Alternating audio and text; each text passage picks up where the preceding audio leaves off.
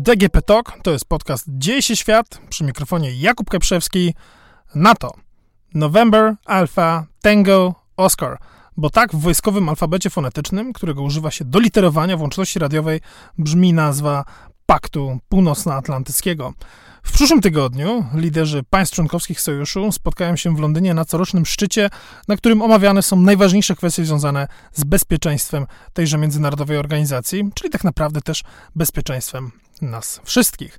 A jeśli szczyty z ostatnich lat miały być tutaj jakąś wskazówką, to na pewno nie zabraknie również satyrycznych akcentów, takich jak chociażby z 2017 roku, kiedy podczas zwiedzania nowej siedziby w sojuszu w Brukseli prezydent Donald Trump odepchnął premiera Czarnogóry Duszko Markowicza, żeby znaleźć się na przedzie sztawki liderów zwiedzających tąże wspaniałą nową, wybudowaną kosztem jednego miliarda euro siedzibę.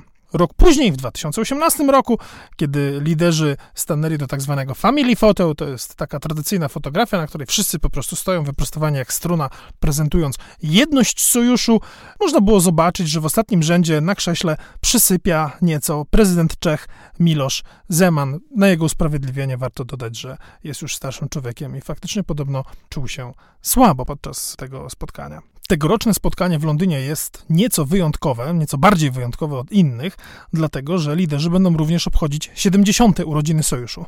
Tak, NATO ma już 70 lat, organizacja powstała w 1949 roku. I niestety tak to już jest, że w okolicach 70 ludziom zaczynają doskwierać różne choroby i nie tylko ludziom, ale też organizacjom międzynarodowym i nie inaczej jest w przypadku sojuszu. Jeśli idzie o NATO, tym schorzeniem miałby być stan śmierci mózgowej, ewentualnie martwica mózgu, w zależności od tego, jakie tłumaczenie anglojęzycznego, tudzież francuskojęzycznego terminu chcielibyśmy wykorzystać. I chociaż brzmi to bardziej jak nazwa metalowej kapeli, to właśnie taką diagnozę sojuszowi w niedawnym wywiadzie dla tygodnika The Economist postawił prezydent Francji Emmanuel Macron. Konkretnie ten fragment brzmiał następująco. Mówi prezydent: Bądźmy przytomni.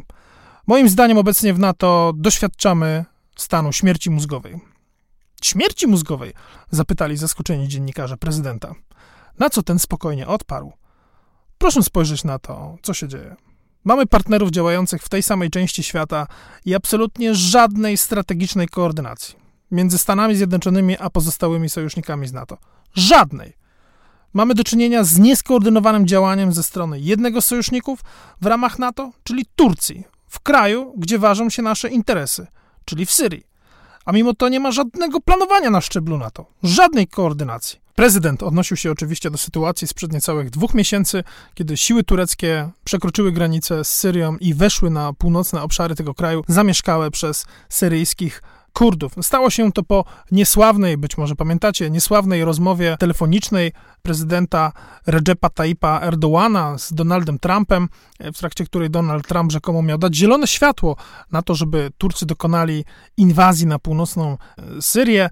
Prezydent później się wypierał, powiedział, że takiego zielonego światła wcale nie było. Przestrzegał zresztą swojego kolegę z Ankary przed tym, żeby północnej Syrii nie atakował, w słynnym liście, którego treść wyciekła, a w którym zawarte były bardzo teraz już słynne słowa: Nie bądź twardzielem, zadzwonię do ciebie później. Recep Tayyip Erdogan jednak na telefon od Donalda Trumpa nie czekał i fakt wycofania nielicznych sił amerykańskich stacjonujących w północnej Syrii potraktował jako zielone światło na interwencję militarną w tym regionie. Dlaczego Turcy mieliby w ogóle interweniować militarnie w północnej Syrii? Ano dlatego, że uważają mieszkających tam syryjskich Kurdów za zagrożenie dla swojego bezpieczeństwa. Erdogan od bardzo dawna na arenie międzynarodowej powtarza, że Kurdowie z północnej Syrii mają związek ze swoimi pobratymcami z drugiej strony granicy, czyli tymi Kurdami, którzy zamieszkują Turcję, że Kurdowie, którzy zamieszkują Turcję, e, mają swoje takie przedstawicielstwo, partię pracujących Kurdystanu. Ona jest wpisana na listę organizacji terrorystycznych. E, za terrorystów uznaje ich zarówno Turcja, jak i Stany Zjednoczone, jak i Unia Europejska. Ergo terrorystami są również Kurdowie syryjscy.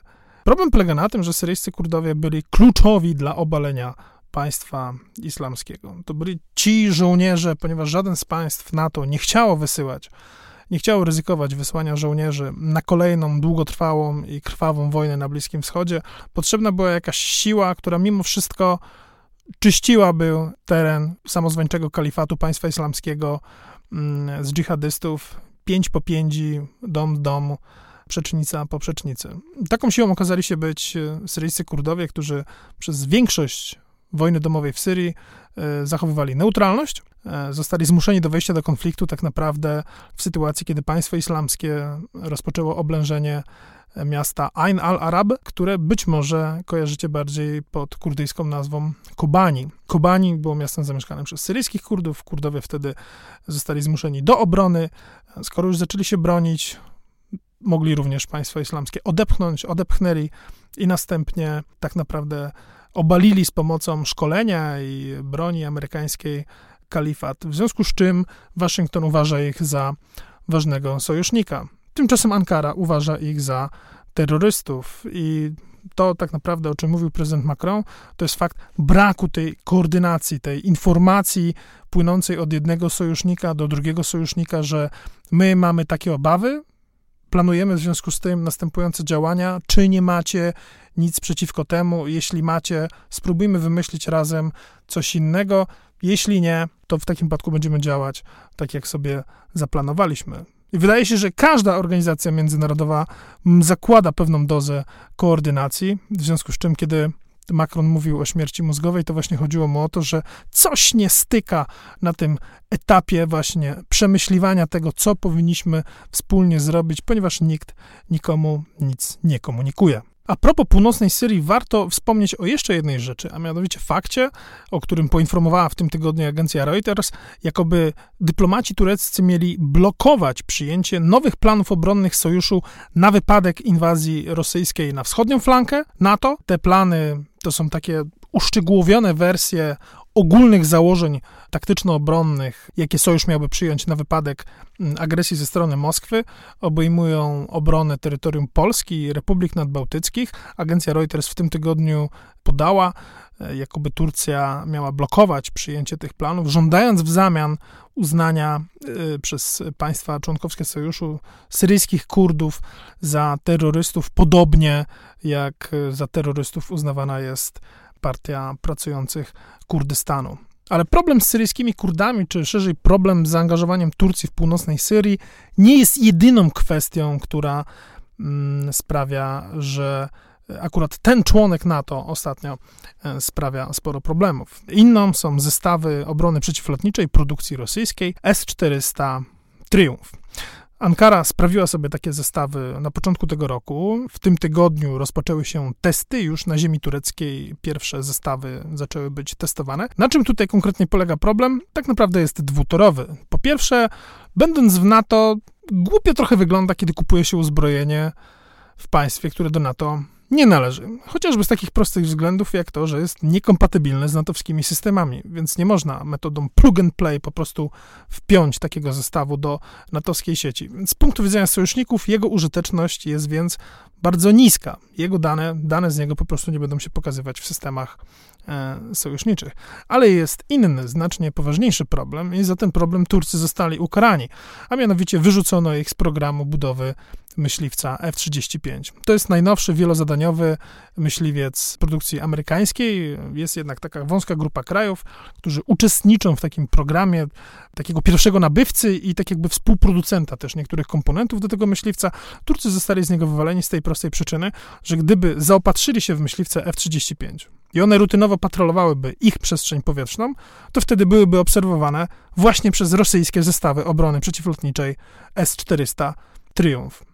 To oznacza, że istniałyby dane radarowe mówiąc, dotyczące tego, jak ten samolot w ogóle wygląda i zachowuje się na ekranie rosyjskiego radaru. Oczywiście F-35 zbudowany jest w technologii stealth, e, więc ten ślad radarowy byłby niewielki. Niemniej jednak zawsze maszyna, która generuje ciepło i porusza się w przestrzeni powietrznej, będzie generowała jakiś ślad. I ten ślad, ta informacja o tym, jak on wygląda właśnie na zestawie radarowym w systemie obrony przeciwlotniczej S-400 Triumph dla Rosjan byłaby bezcenna i nawet jeśli Turcy nie mieliby zamiaru przekazywać takiej informacji Moskwie, Moskwa mogłaby spróbować po prostu ją wykraść, bo ta informacja by istniała. W związku z czym zakup zestawów obrony przeciwlotniczej S-400 Triumph to była kolejna rzecz, która napsuła krwi między Ankarą a resztą członków NATO i z pewnością będzie to temat, który w przyszłym tygodniu w Londynie będzie wałkowany, dlatego że Turcy zapowiadają, że chcą tych zestawów zakupić więcej. A poza tym, co mieliby zrobić z tym, które już mają? Oddać? Zwrócić? Trudno powiedzieć, czy przy zakupach systemów obrony przeciwlotniczej obowiązują takie same zasady jak przy zakupie ubrań przez internet. Wracając do słów prezydenta Macrona o śmierci mózgowej sojuszu, wywołały one w NATO prawdziwą burzę.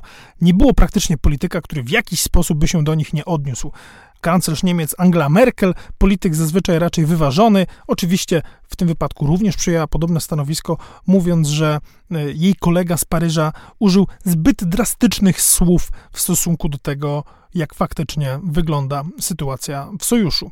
Na obronę NATO rzucił się oczywiście również jego przewodniczący, czyli Jens Stoltenberg, na tej samej konferencji co Angela Merkel, użył następujących argumentów żeby przekazać, że sytuacja w NATO wcale nie jest aż taka zła. NATO jest silne. Stany Zjednoczone, Ameryka Północna i Europa robią obecnie znacznie więcej niż jeszcze parę dekad temu. Jeszcze nigdy od końca zimnej wojny nie zrobiliśmy na rzecz naszego wspólnego bezpieczeństwa aż tyle.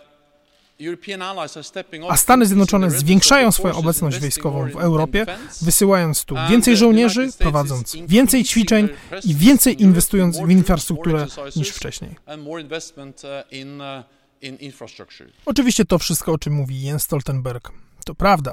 Od momentu rosyjskiej inwazji na Krym i wschodnią Ukrainę w 2014 roku sojusz dostrzegł, że na wschodniej flance wyrósł mu bardzo poważny i groźny i zdeterminowany przeciwnik, skutkiem czego zostały podjęte różne działania, między innymi przesunięto więcej wojsk tutaj właśnie na tą wschodnią flankę, e, obecność rotacyjna w Polsce, w republikach nadbałtyckich, nawet owe plany ewentualnościowe, o których już wspomnieliśmy. Fakt ich przyjęcia również świadczy o tym, że sojusz rozumie, dostrzega zagrożenie płynące ze wschodu i stara się mu aktywnie przeciwdziałać, więc Jens Stoltenberg w tym sensie nie, nie kłamie. Sojusz faktycznie robi więcej. Natomiast wychodząc poza komentarz Macrona o śmierci mózgowej dotyczącej braku takiej koordynacji, informowania się nawzajem sojuszników odnośnie swoich zamiarów w różnych częściach świata, zresztą Turcja nie jest tutaj jedynym przykładem. Można by było bardzo długo mówić o tym, jaki rów między jednym a drugim brzegiem Atlantyku powstał, jeżeli idzie o politykę względem Iranu, gdzie przecież Waszyngton ma zupełnie inne podejście do tego, jak z Teheranem postępować, niż reszta sojuszników europejskich. Ale również problemem jest to, jak tak naprawdę sojusznicy w NATO dokładają się do samego NATO. I nie mówimy o składce członkowskiej na utrzymanie administracji sojuszu, ale mówimy o tym, ile poszczególne państwa wydają na obronność. To nie jest nowy argument każdy amerykański prezydent od momentu zakończenia zimnej wojny apelował do europejskich liderów o to, żeby wydawali więcej na obronę. I robił to też Donald Trump. Donald Trump akurat robił to najgłośniej.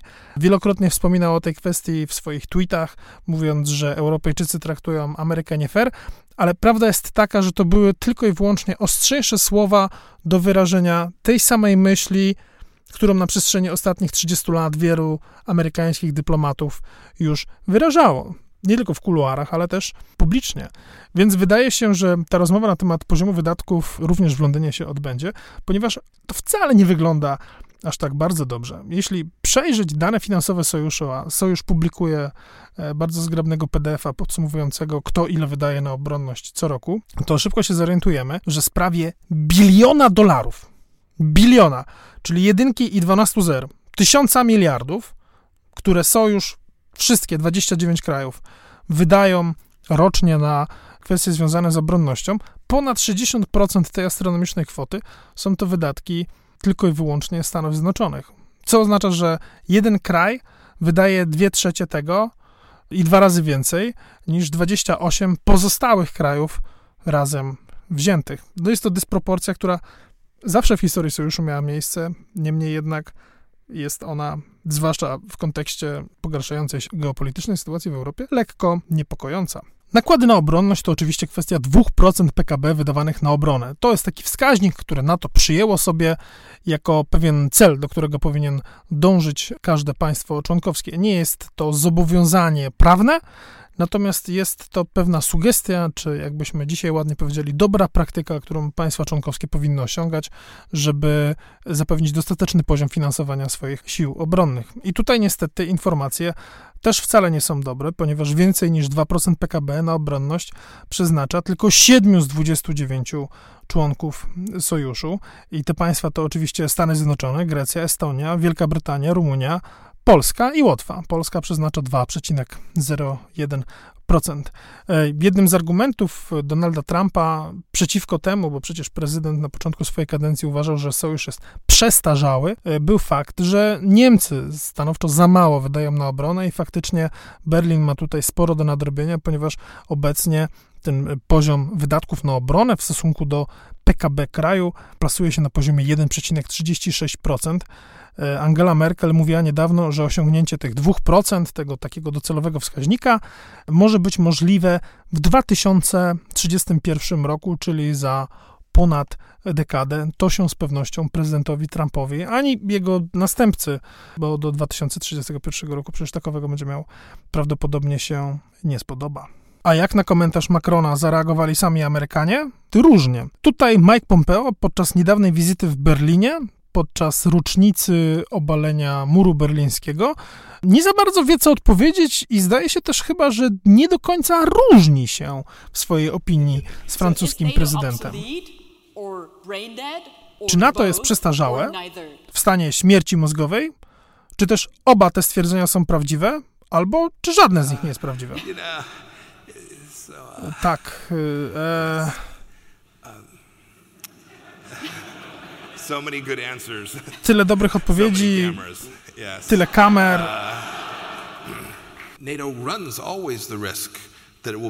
Oczywiście takie ryzyko istnieje, zwłaszcza jeśli NATO nie będzie realizowało zadań, do jakich zostało powołane, a więc stawiania czoła współczesnym wyzwaniom. Jeśli państwom członkowskim wydaje się, że mogą dzięki sojuszowi czuć się bezpieczne, chociaż nie zapewnią mu do tego zasobów, nie realizując celów budżetowych, to oczywiście, że istnieje ryzyko, że NATO stanie się nieefektywne czy też przestarzałe. Mike Pompeo po części ma rację, bo przecież problemy sojuszu to nie są tylko i wyłącznie wewnętrzne tarcia w łonie samej organizacji, gdzie jedna strona mówi, zróbmy coś w taki sposób, a inna strona mówi, nie, powinniśmy zrobić to zupełnie inaczej i nie ma między nimi porozumienia. Nie jest poważnym błędem, jeśli różni członkowie sojuszu mają różną politykę zagraniczną w stosunku do jakiegoś partnera. Nie jest poważnym w tym sensie, że nie musi doprowadzić do rozpadu samego sojuszu. Państwa mogą się różnić. Pytanie tylko o stopień tych różnic i o to, czy one są sobie komunikowane i czy podejmowane są próby jakiegoś ich zażegnania. Natomiast to nie tylko te tarcia są problemami sojuszu. Sojusz ma również problemy wynikające z zagrożeń zewnętrznych, czyli takie, które miałyby bez względu na to, czy wszyscy w NATO się dogadują, czy też istnieją jakieś tarcia. To jest oczywiście kwestia rozpowszechniania się broni atomowej, dlatego że akurat znaleźliśmy się w bardzo nietypowym punkcie historii, w którym wszystkie budowane przez dekady zabezpieczenia przed proliferacją broni jądrowej właśnie kruszeją. I jednym chociażby z przykładów tego jest e, wyjście Amerykanów z tak zwanego układu INF, czyli układu o całkowitej likwidacji pocisków rakietowych pośredniego zasięgu. Pośredniego, czyli takiego od 500 do 5,5 tysiąca kilometrów. Z pewnością znacie takie pojęcie jak międzykontynentalna rakieta balistyczna. One dlatego są międzykontynentalne, że mają właśnie zasięg powyżej 5,5 tysiąca kilometrów, ponieważ tych o mniejszym zasięgu dotychczas budować nie można było. I był to jeden z takich elementów właśnie budowy takiego systemu zapobiegania eskalacji gromadzenia nie tylko samych bomb jądrowych, ale też technologii służących do ich przenoszenia takiej architektury, która jest trochę spuścizną zimnej wojny, ale która w efekcie sprawiła, że nie mieliśmy nigdy do czynienia z gorącym jądrowym konfliktem. Między Stanami Zjednoczonymi a Rosją na tym tle od jakiegoś czasu trwa licytacja. W zeszłym roku Władimir Putin powiedział, że mm, Rosjanie rozpoczną budowę, pracują nad wieloma typami uzbrojenia, które są, jest w stanie przenosić głowice jądrowe. Miałyby to innymi być rakiety poruszające się z prędkością będącą wielokrotnością prędkości dźwięku, czyli tak zwanymi hipersonicznymi rakietami. Zapowiedział również, że będzie pracował, że Rosjanie będą pracować nad rakietami właśnie pośredniego zasięgu, ale tylko po to, żeby dysponować taką technologią. Nie chcą ich nigdzie wstawiać do żadnych baz wojskowych. Nie zmienia to jednak faktu, że jest to znacząco różny poziom napięć w stosunku do tego, do czego byliśmy przyzwyczajeni. Jednak nawet podczas zimnej wojny Mm, retoryka największych atomowych mocarstw szła w kierunku tego, żeby liczbę głowic i liczbę tych technologii atomowych zmniejszać. Teraz mamy, dochodzi do pewnej takiej retorycznej i technologicznej eskalacji. I oczywiście fakt, że Waszyngton i Moskwa znowu rozpoczęły atomową licytację, będzie budził niepokój w stolicach innych krajów na świecie, chociażby takich jak Chiny, które dotychczas do bombę atomową chciały mieć, ale raczej w funkcji takiego straszaka. W związku z czym istnieje ryzyko, że przeznaczą większe środki na to, żeby uczynić ze swoich atomówek straszaka znacznie bardziej straszliwego niż ten, którym dysponują obecnie.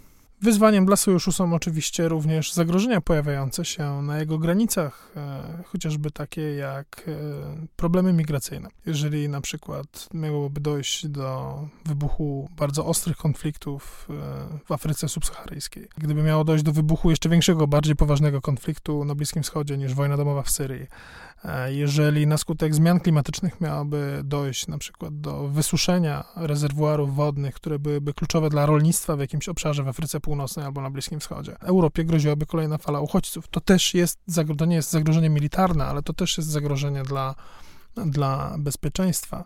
Oczywiście wschodnia flanka, o której już e, mówiliśmy, i bardzo trudny partner po drugiej stronie, czyli E, Moskwa. Zresztą fakt, że Władimir Putin od kilku lat eskaluje swoją retorykę i stara się jakoś tutaj sypać Sojuszowi Północnoatlantyckiemu piach w szprychy, według niektórych ekspertów jest darem dla Europy.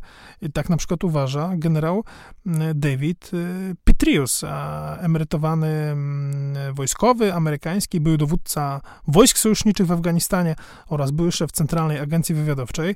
Na początku września na forum Abrozetti, takim spotkaniu specjalistów z całego świata we Włoszech, takie właśnie zaprezentował zdanie, że Władimir Putin jego rządy, zwłaszcza parę ostatnich lat, to jest y, dla sojuszu absolutny dar. Uh, to największy prezent dla NATO od czasów zimnej wojny, czyli Władimir Putin. I jego agresywne działania, które w bardzo poważny sposób przywróciły sojuszowi rację istnienia. Ponieważ przez parę ostatnich lat szczyty nie stroniły od różnych kontrowersji, to też w tym roku będziemy się z niecierpliwością przyglądać temu, czy dosyć suchemu dokumentowi, jakim jest komunikat końcowy kończący każdy międzynarodowy szczyt, będą towarzyszyć jakieś dyplomatyczne fajerwerki, czy ktoś się na kogoś obrazi, czy ktoś popchnie, czy ktoś komuś nie poda ręki. I zresztą będziemy musieli trwać w takim stanie napięcia nie tylko do końca samego szczytu, ale prawdopodobnie aż do momentu, kiedy prezydent Stanów Zjednoczonych doleci do siebie do domu, ponieważ ma taką tendencję, że po zakończeniu międzynarodowego spotkania wsiada do samolotu i zaczyna tweetować. I w ten sposób, w bardzo nieprzyjemny sposób skończył się szczyt y, G7 w Kanadzie jakiś czas temu. Y, zresztą na ubiegłorocznym szczycie NATO jeden z reporterów zadał wprost Donaldowi Trumpowi pytanie.